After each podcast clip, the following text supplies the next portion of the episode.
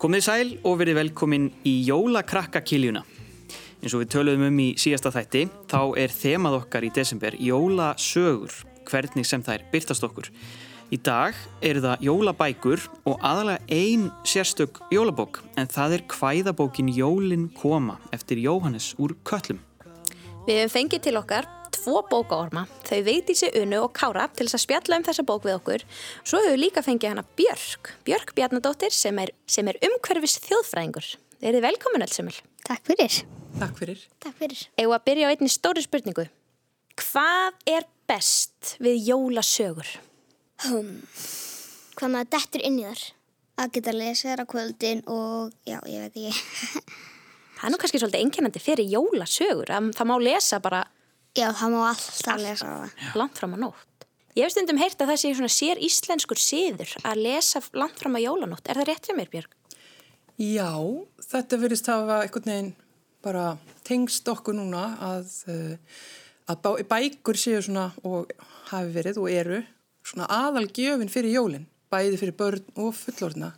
Því þetta tengist því að, að einhvern veginn að fræða sjálfum sig og hafa það notalegt og borða köku og drekka kannski kakó senta kvöldi eftir að vera búin að rýfa allar gjafinar upp og svo allt í hennu faðma eina gjöf sem er þá bók mm -hmm. sem að faðmar bæði með höndunum og svo huganum. Akkurat.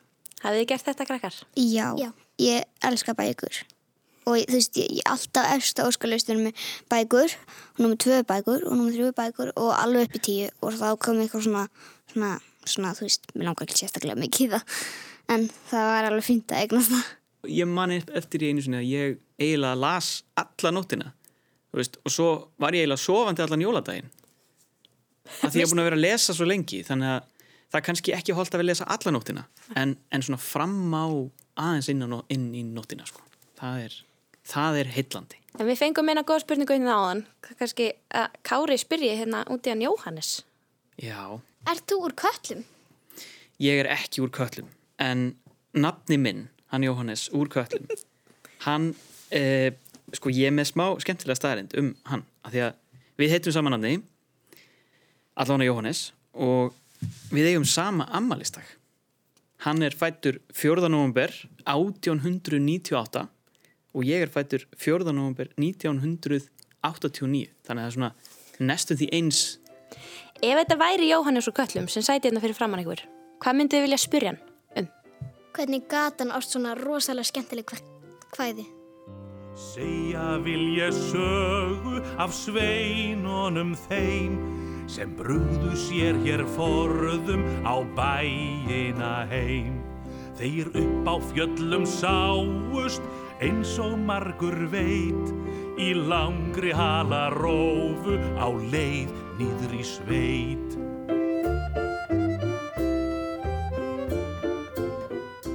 Já, Jólinn koma kom fyrst út árið 1932 og Jóhannes orti þessar frægu vísur sem heita Jól, Jólasveinarnir.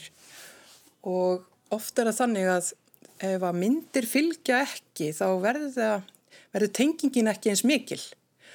Og hann fekk hinn góða myndskreiti Tryggva Magnússon til að gera myndirnar af Jólasveinunum og Jólakettinum og Grílu að hlaupa eftir börnunum En Tryggvi Magnússon, hann er svona myndlistamæður sem ekki margir vita af. Hann lifði ekki lengi, hann var mjög fær og það má segja að hann og Jóhannes úr Köllum hafi fangað jólasveinuna á blað.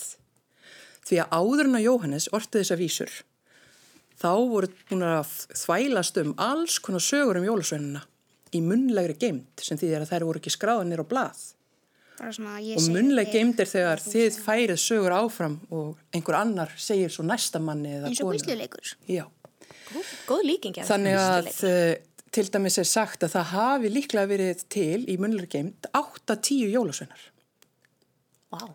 og jólasveininir áður fyrr þeir voru grimmir, þeir voru vondir við börn og þar meðal þessi sem við nokkru þjóðfræðingar okkur finnst mjög skemmtilegur og er óhugnalegur lúnaslettir sem var með lungun utan á sér og hljóp á eftir börnunum og reynda sláðau með lungunum.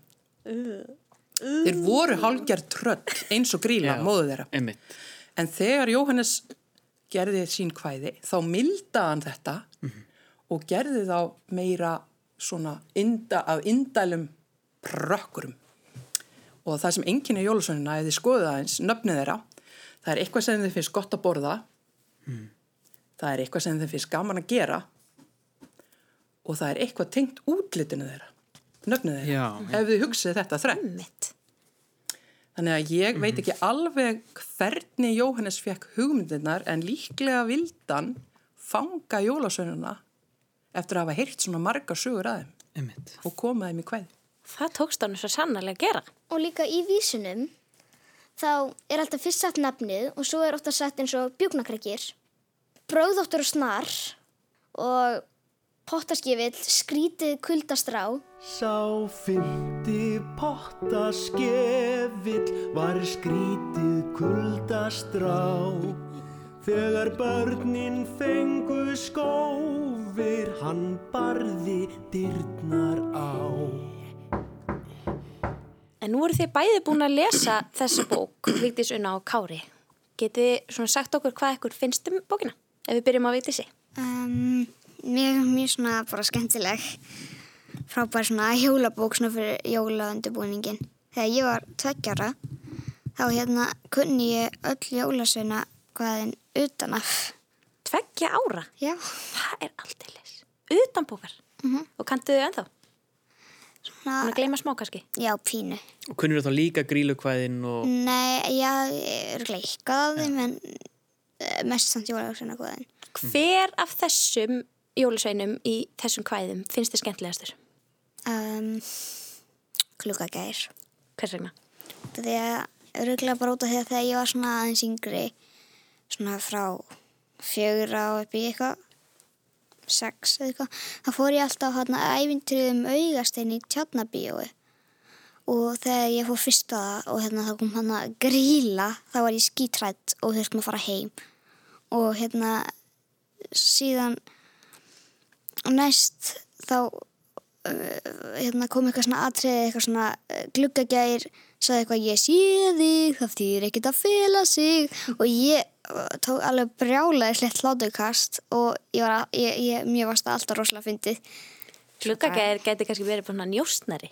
Eitthvað svona leynilögreglumæður. Hann er alveg mjög forvitin. Hann er mjög fórhundin. En Kári, hvernig kynntist þú sér bók? og svona Hvernig, hvað finnst þér um hana? Mér finnst hún alveg rosalega skemmtileg en það er samt eitt að síðasta kvæðið í bókinni, ég veit ekkert hvaða kvæðið það er. Eða glugga? Síðasta að glugga? Mér finnst það svo fallegt. Þetta er nefnilega svolítið góðu punktur en þess að þegar maður flettir í gegnum jólinn koma þá þekkir maður náttúrulega fyrsta kvæðið bráðum koma blessu jólinn, börnin fara að hlakka til og svo Já, svo kemur grílu kvæðið og það þekkja nú allir hana grílu. Svo koma jólasveinanir og jólakötturinn En alveg síðasta kvæðið, jólabarnið. Sko hvernig ljósin ljóma á litlu kertunum þínum. Þetta er eitthvað aðeins minna þekkt. Mér finnst það eiginlega fallegasta kvæðið í bókinni. Sko hvernig ljósin ljóma á litlu kertónum þínum. Þau bera hátíð í bæinn með björtu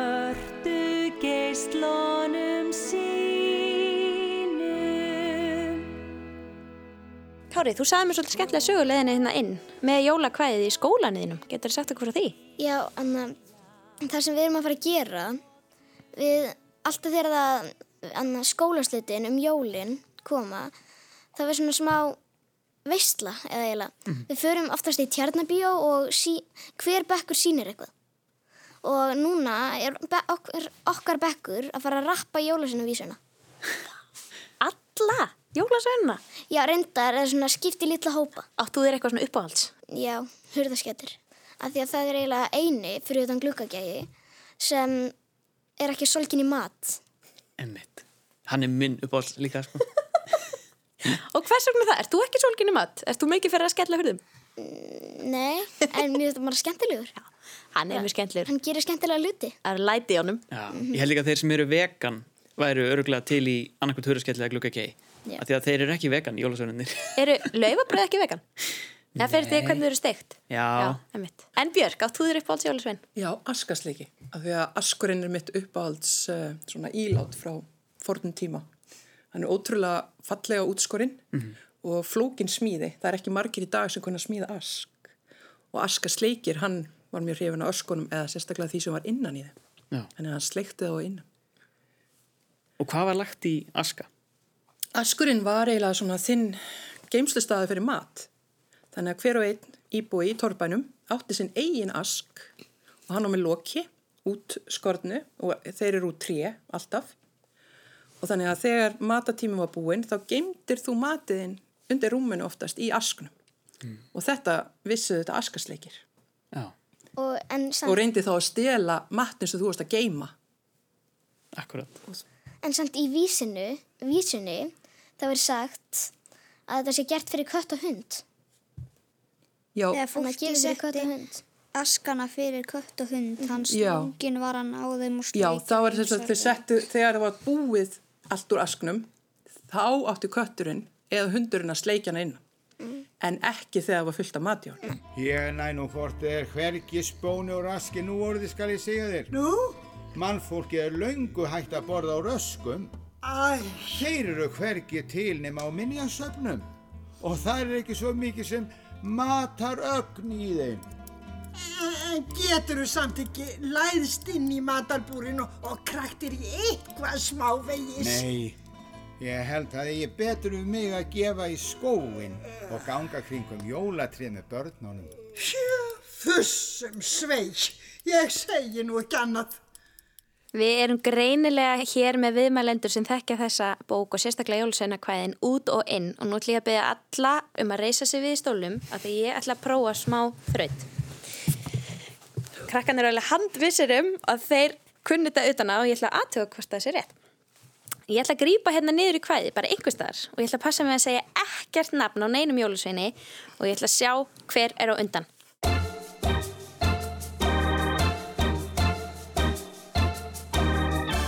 Þau rugu upp til að gá Gert að pottaskifill. hvort gestur væri á ferð, pottaskefill verða.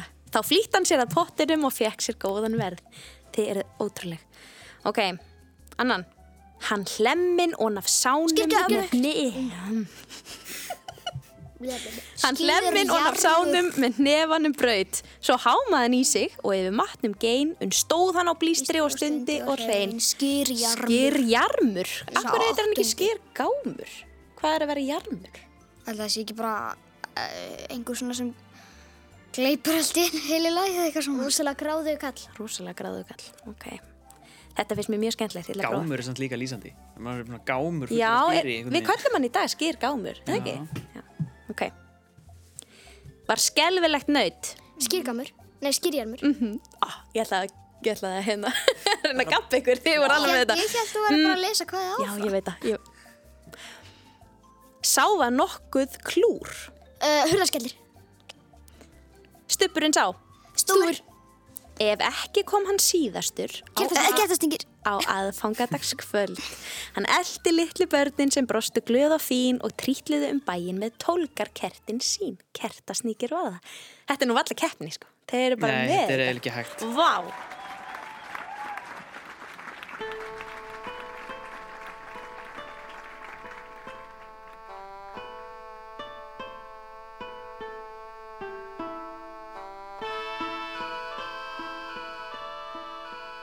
En áður en við skiljum hérna við jólinn koma og þessi kvæði getum við aðeins tala um jólaköttin. Hvað finnst ykkur um hann? Kannist við jólaköttin. Við könnumst við- Við var gríðastór. Fólk vissi ekki hvaðan hann kom eða hvert hann fór. Við könnumst við jólaköttin, akkurat. Hvað finnst ykkur um hann? Mm. Hræðilegur. Það er ekki þægilegt að hugsa um hann ekki. til dæmis á kvöldin. En hvaðan kom þessi hefða að það þyrst að gefa öllum nýja flík svo það fær ekki jólaköttin? Veistu það, Björg?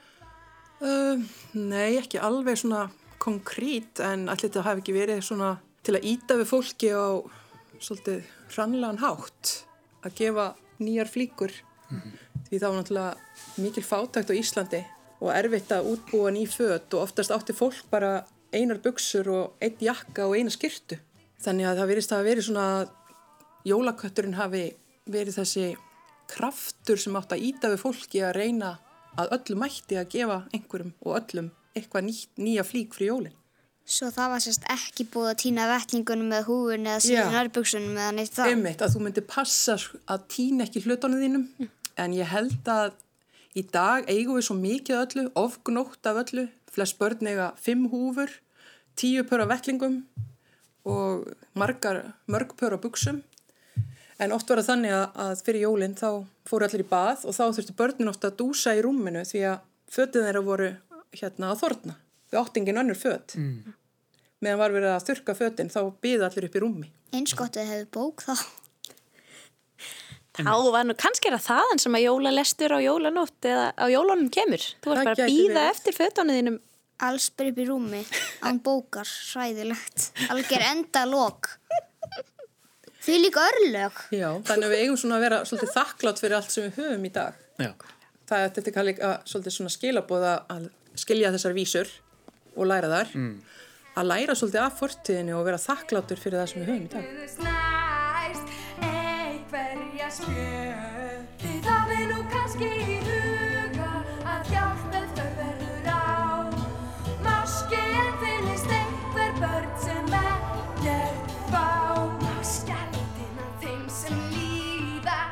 Af ljóskorti heim sem bál Gefi ykkur góðan dag og gleðileg jól Þetta voru fallir loka orð um jólin koma en áður við endum þá langar mig aðeins að spyrja ykkur hafið þið krakkar einhvern tímann skrifa jólakort Já, ég held það.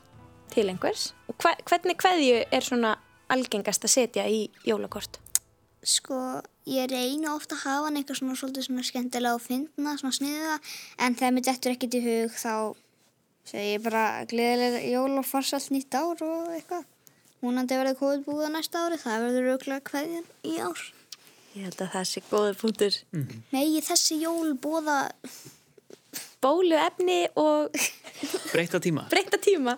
En það er ein tegund af jólakveðjum sem að hefur ekki minkað í vinsældum og það er jólakveðjan á rás 1 á þorlagsmessu. Já. Það tekur nefnilega allan daginn að lesa þér af því það eru svo margir sem vilja skrifa kveðjur og senda á vini og fjölskyldu. Ég ætla að byggja ykkur krakkar, eru þið til að koma aðeins með mér í stúdíóð hjá þulunum sem að eru allan daginn á þorlagsmessu að lesa kveðju og aðeins spyrja þau út í þetta. Eru þið til það? Já. Áður en við förum, þá langar okkur að þakka þér, Björk, Bjarnadóttir, þjóðfræðingur, fyrir að spjalla við okkur. Takk fyrir. Nú skulum við tala við Sigvalda Júliusson en hann hefur lesið upp jólakveður á Þorlásmessu í fjöl mörg ár. Hvernig er hægt að lesa upp jólakveður í heilan dag? Verður maður ekki þreyttur? Jú, þetta tekur nú svolítið á en uh, venjan er svo að það eru fjóri lesarar og svo eru jólalög á milli þannig að framkvæmdinn hefur verið þannig að maður lesi svona cirka tíu myndur og svo kemur jólalag og svo lesa næstu þrýr en þetta tekur æði mikið á þetta er kannski samtals uh, jólalestur jólakveðulestur upp á 16 klukktíma Er þetta svolítið eins og boðhlaup kannski bara? Það má segja það. Réttir keflið og svo heldur maður áfram.